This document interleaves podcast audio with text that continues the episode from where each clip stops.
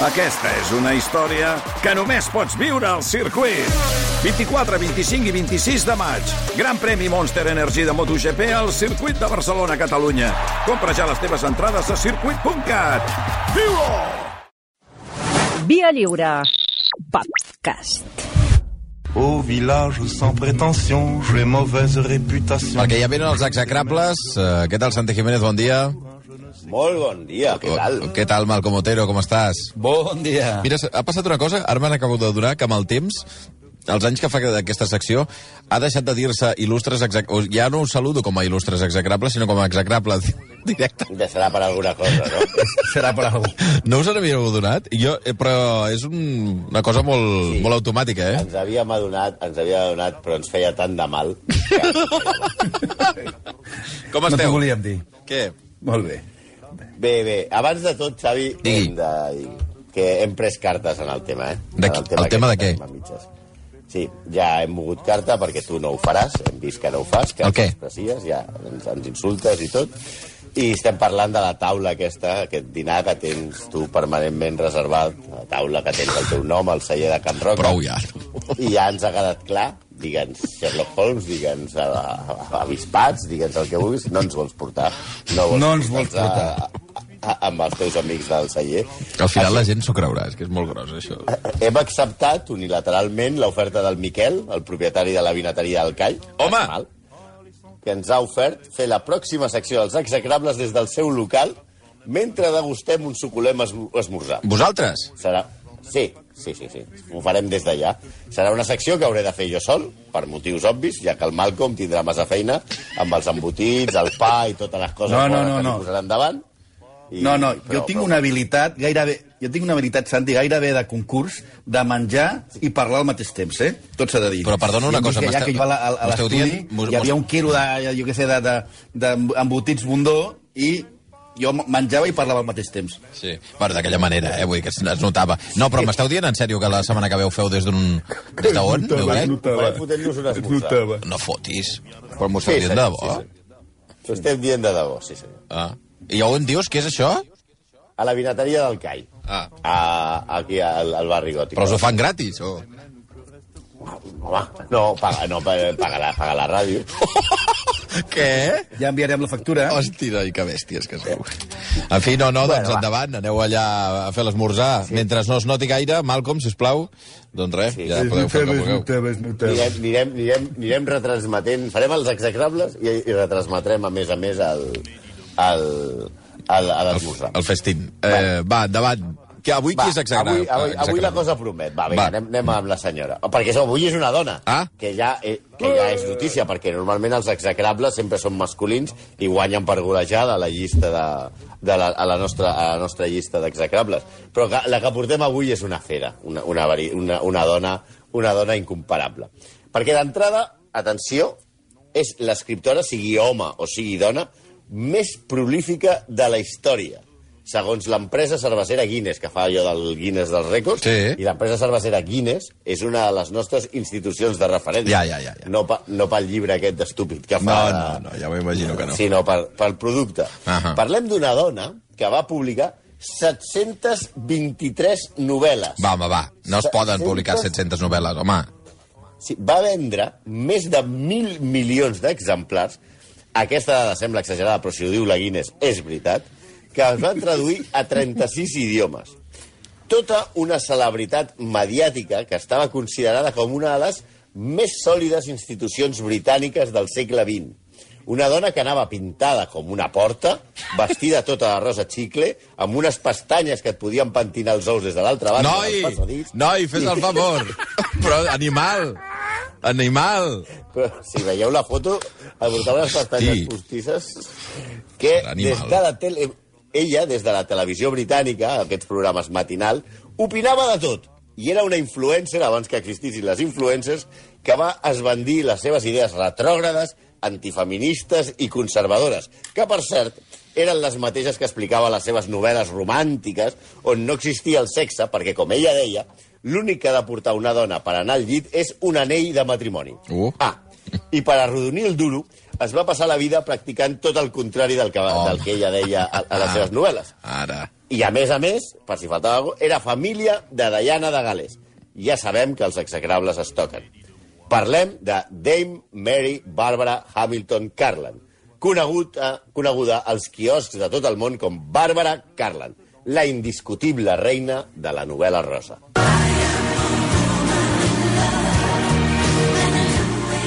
Com em bafa aquesta cançó. La veritat. Sí, com, comencem, comencem amb Oh. aquest pastel Oh. tou i malíflu Oh. de Barbara Streisand. Home, que, hombre. que ens va el pèl primer perquè es diu Bàrbara, i encara que es fa dir Barbara, es diu Bàrbara, Mm. i això, fins i tot tu has, tu has notat... Doncs mira, no ho havia es- pensat. Es, diu- es diuen igual, eh? Es diuen igual, val. Mm -hmm. I després perquè la lletra d'aquesta cançó exemplifica a la perfecció la idea de l'amor de la nostra Bàrbara. És d'una dona enamorada com una perra d'un tio que vol portar el seu món a qualsevol preu. Una lletra que posaria els pals de punta a qualsevol feminista. Bàsicament, com qualsevol de les novel·les de Bàrbara Carlan. De fet, m'imagino la Natxa Ferrer llegint aquests llibres i entrant en estat d'ignició.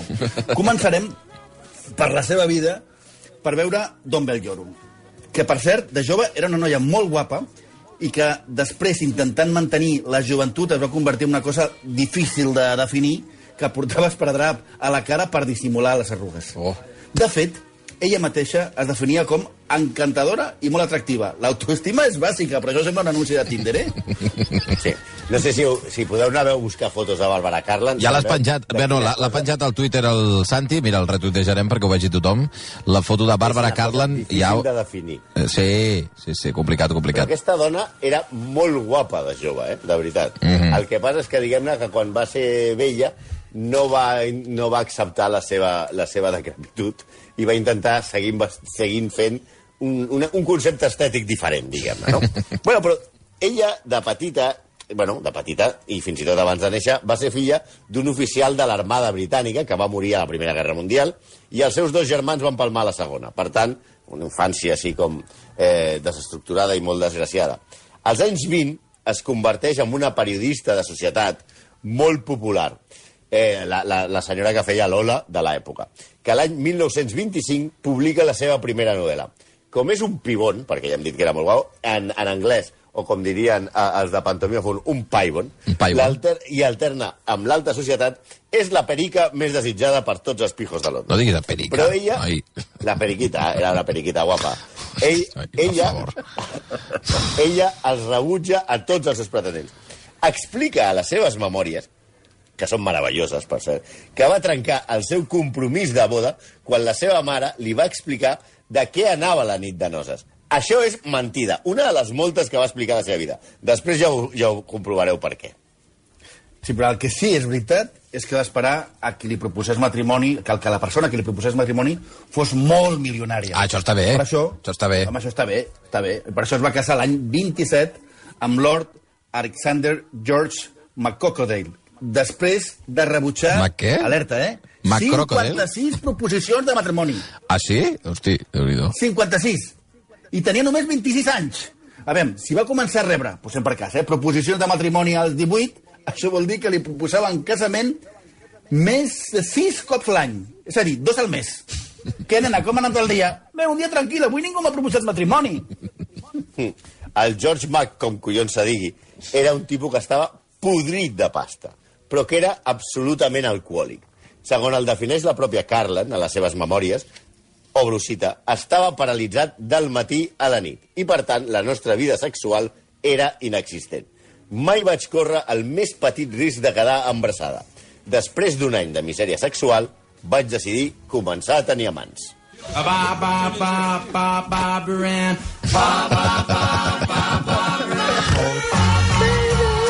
Excel·lent cançó, per altra banda, eh, que per fer posar una Sí, mica de nivell. bona. Però, però bueno, aquesta, per, eh, imagino perquè es diu Bàrbara, també, no? I una Ah, miqueta més alegre, una miqueta de, de picardia, perquè, eh? Comença la festa. exacte. Ara, ara, ara. Comença la pesta, sí.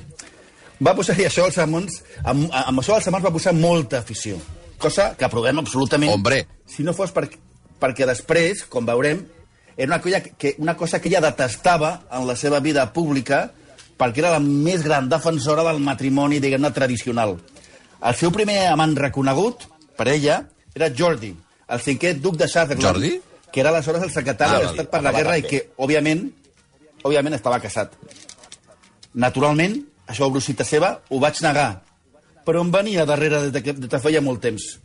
Acostumava a ficar-se al nit, de nit al meu llit i em feia petons, però mai vaig deixar que passés d'aquí. Bé, potser, potser, potser ens ho, cre...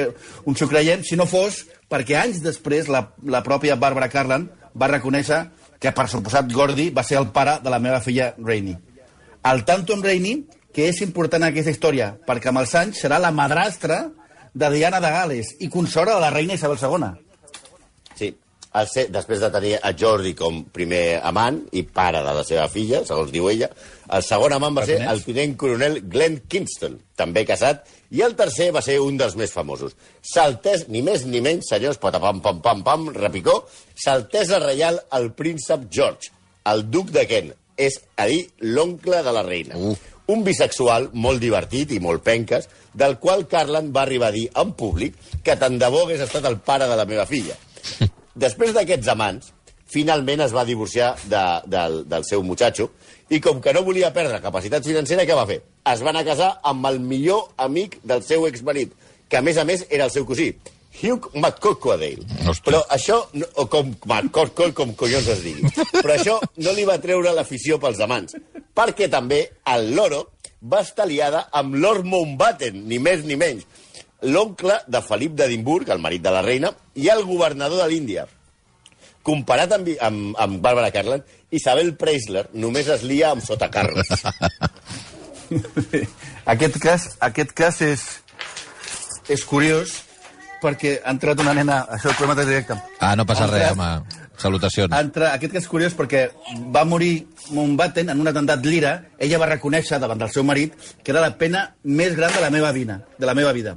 El cas és que el pobre Mountbatten estava enamorat de fet de Carlan, però malfiava de les dones perquè, segons la nostra protagonista, Obrusita, la ninfomania de la seva esposa Edwina el feia malfiar de les dones i li va treure tot l'interès en el sexe, almenys amb les dones. No hi ha res com tenir un, un amic com aquest, eh? I no hi ha res com tenir una criatura que, per cert, aviso que potser no és el millor contingut per criatures tan petites, però endavant, No, endavant Clara, amb les Clara, notícies. torna, Clara, torna a l'habitació, que ara ve la parguarra. Clara, digue-li digue al papa que et tapi les orelles. Com, tampoc eh, no, és, no és bo tenir a Carla com a amiga, perquè ja parla de, de que la ninfomania de la teva dona t'ha portat a, a, a la versió del sexe amb dones, és a dir, que t'està dient que el que t'agrada és una altra cosa, com a mare tampoc era molt millor. Ja hem parlat de Rain, la filla que va tenir en el seu primer matrimoni. Però que ella, atenció, anava dient que no era del seu pare, després de casar-se amb el tiet de la seva filla. Clar, a la Rain això no li va sentar bé. I la Rain, quan es va casar amb Lord Edward Spencer, anys després, va decidir no convidar a la seva mare a la boda. Sí, una afrenta que li va sentar com una patada a Barbara perquè d'aquesta boda sortiria un altre historion. Lord Edward Spencer tenia una filla que es deia Diana, o Diana, que amb el temps passaria a ser la dona més famosa del planeta i ella, com a àvia política de la nena, no pensava deixar escapar aquesta oportunitat. Ahora te debes callar y vas a saborear el exquisito manjar que pongo en tu boca. Ara, espero que la Clara ja estigui fora de l'habitació. Sí, sí, ja està fora de l'habitació. Vale, perfecte. Vale, doncs puc puc començar a parlar de mamades. Des del moment en Noi, què es va no, comprometre no, Diana amb el, amb el príncep Charles, fins que va morir en accident de cotxe després de separar-se, la bolastra, és a dir, Bàrbara Carlan, va estar allà opinant de tot. I no es tallava un pèl. Per exemple, aquesta senyora, que la veieu a les fotografies, com una àvia una mica excèntrica, però vestida de pastís de maduixa i merenga, que sembla que, que tot ho faci així molt dignament, va arribar a dir que el motiu de la separació entre Carles i Diana era que no, ella no devia ser molt bona en la pràctica del sexe oral, que és una cosa que porta a la ruïna a molts matrimonis. Sense comentaris. No anem bé, que no També va anem dir també va dir que el fracàs del matrimoni dels prínceps de Gales va ser culpa meva, o sigui, no meva, seva. I en part podia tenir raó. No només perquè sortia a totes hores opinant, sinó perquè el que sí que està comprovat és que Diana, que no era precisament, no és que fos una intel·lectual, era una fan absoluta de les novel·les de la seva àvia política. Novel·les amb títols com Això és que només estan tots el castellà. Virgen en París, Sí. Amor al timón, Amor al timón. Las lágrimas del amor, Camino perfecto al paraíso, o La plegaria de la princesa, Oh. el, laberinto, el laberinto del amor, o Un matrimonio forjado en el paraíso. Uf. Què retraten? Què retraten? a unes pàmfiles enamorades d'uns senyors aristocràtics que són el retrat de la pulcritud i la noblesa i on- on tot succeeix en salons de té i grans hotels a la Costa Blava. Només llegeix els títols i ja se'm dispara el títol Uf, sucre. és terrible. Sí. No contenta amb explicar els problemes de la matrimoni amb el sexe oral o, o, o, o les novel·les com a causa de la separació dels prínceps de Gales, també va apuntar que els Spencer, la família eh, de, la seva, de la seva filla, amb la que s'havia casat la seva filla, eren uns histèrics inestables. Va dir, eh, obro cita, quan Diana va agafar aquell mal, bul, bul, bul, o com coi es digui, es referia a la bulímia, Sí, sí. bé, tota la família ha estat sempre una mica neuròtica, i si algú es posa histèric i perd els nervis, cap anglès li farà mai l'amor. Sí, totes aquestes punyalades les fotia perquè el dia de la boda entre Diana i Charles, la princesa Margaret va anul·lar personalment els dos tickets que tenia Bàrbara Carlan per veure la cerimònia a la catedral de Sant Pol. Per això, que va qualificar com una humiliació, no es va tallar ni un pèl. Va seguir apro apropant-se a, a Diana per terra, mar i aire, i com que la noia era mig bleda, li va fer cas fins al punt que en un gir del guió propi només de, de gent amb molta barra, va acabant posant-se al costat de Diana en la seva pugna amb el príncep de Gales i va acabant qualificant la relació de Charles amb Camila com absolutament repugnant. Lunes antes de almorzar, una niña fue a jugar, pero no pudo jugar porque tenía que planchar. Si planchaba, Planxar, Oh. sí, sí. Mira, aquesta... ah, Fins aquí, atenció, aquí hem fet eh, la part de la seva vida portes enrere, però el que la fa, que ja és bastant execrable, però el que la fa realment execrable és la seva influència com a personatge institucional britànic. Era una veritable superstar a, la Gran Bretanya. I les, la, I les seves opinions influïen molt en la gent era la, diguem-ne, l'oracle de la majoria de, de, de dones de, del, del Regne Unit. Però, clar, les seves opinions les subscriurien els pallassos de la tele amb aquesta bonica cançó que, que escoltàvem, tan progressista, que era que escoltàvem els nens dels anys 70, en què les nenes tenien que ir a rezar, tenien que ir a planchar, tenien que barrer i no podien nunca ir a jugar. I hem explicat que el missatge de les seves novel·les era carrincló, més no poder, i sempre el mateix. De fet, ella mateixa reconeixia que no busquin secrets en les meves novel·les perquè totes són iguals. Però és que les seves declaracions a la premsa, tele i ràdio, que eren constants, eren pròpies de la premsa més calletana. Sí, per exemple, estava en contra de l'eliminació de, de l'oració, de l'oració religiosa, no de la frase, eh? a les escoles. En contra de la infidelitat al matrimoni. Oh, boníssim. Ella, és com si Boníssim. Neymar estigués en contra de les festes d'aniversari. Es va pronunciar una i mil vegades en contra del sexe abans del matrimoni, tot i que ella mateixa va confessar que va perdre la virginitat als 18 amb Lord, Lord Warden dels Cinc Ports, vescomte d'Embley, fill del Earl de Bo- Bosham, a la mansió, per cert, que va inspirar Retorn, uh, Retorn a Brideshead. I que estava en contra del sexe en general. És com Maradona fent anuncis contra la droga. Sí, ella defensava que als nens no se'ls... I, I això és una cita seva, eh? És una frase seva. Als nens no se'ls pot parlar de sexe, perquè si els hi expliquen, ho voldran provar. Collons, clar! També que el sexe només significa coses brutes. A les meves novel·les no hi ha sexe, i una senyoreta com cal no va al llit sense un anell de matrimoni, perquè no hi ha cap home que vulgui que la mare dels seus fills hagi estat amb altres homes. Obres ara els diaris i llegeixes coses que haurien horroritzat a les nostres mares i àvies.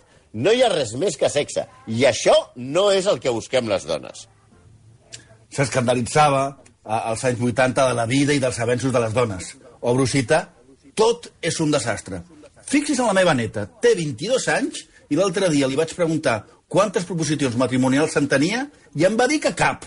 Jo, a la seva edat, ja havia rebut 10 i la meva filla estava casada i amb fills.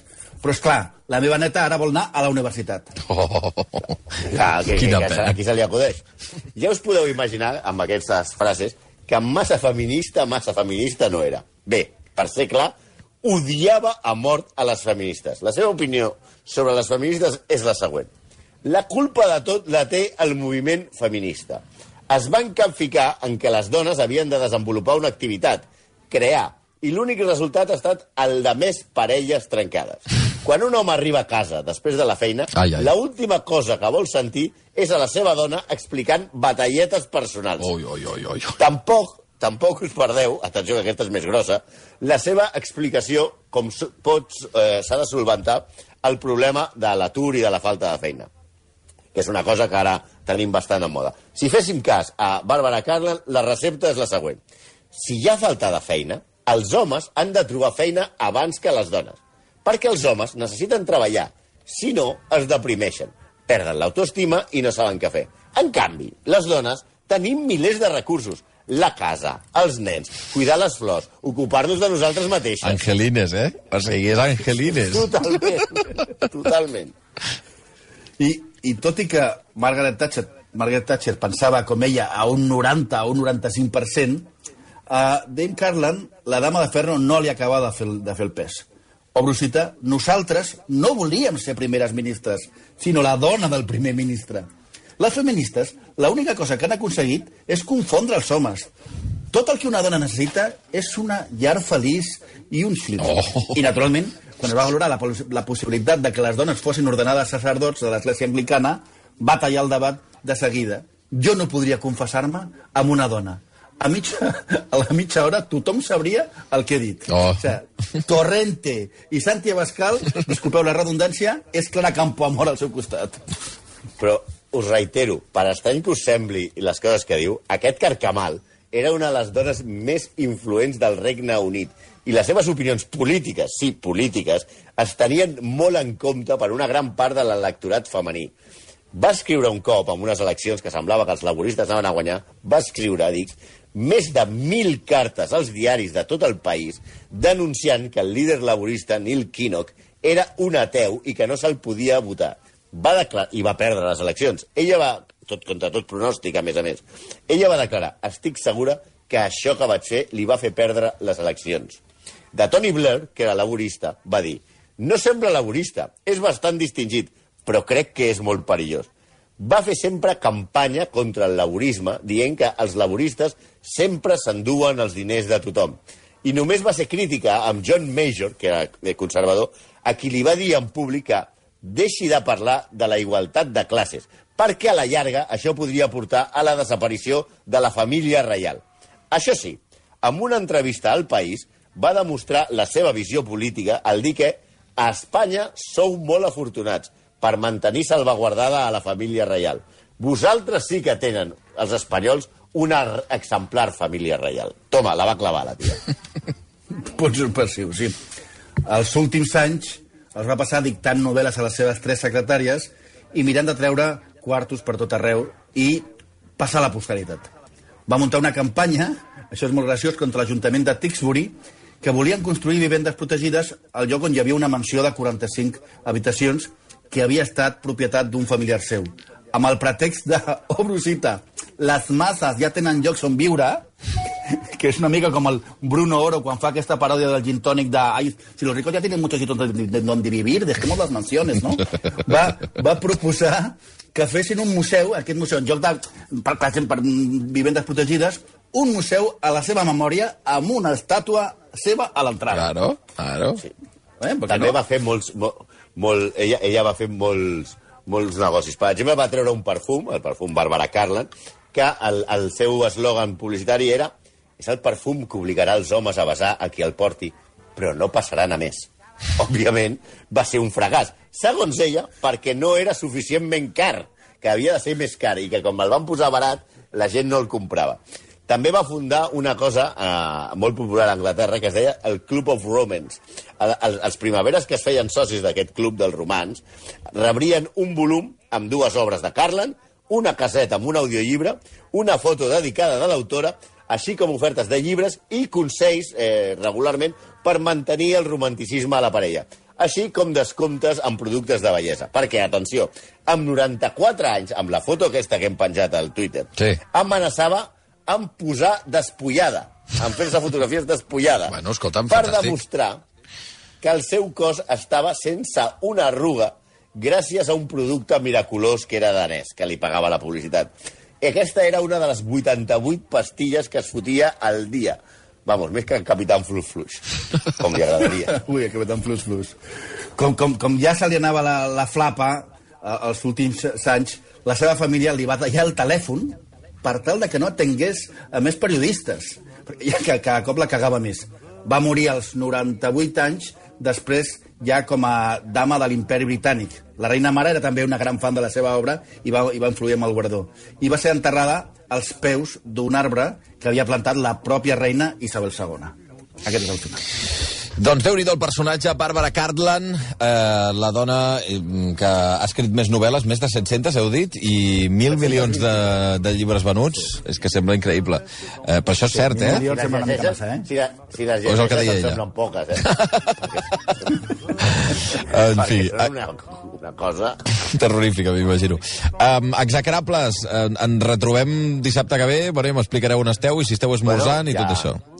Si vols canviar i ajornem-ho de la vinateria i, anem, i ho fem des d'allà a Girona, no tenim cap És que no tinc res amb Girona. Bueno, en fi, no us, no us Ah, no? és Vale. igual. Ja estem, ja estem. Apa, execrables, adeu-siau. Adéu. Nada. Tout le monde viendra me voir pendu, sauf les aveugles, bien entendu.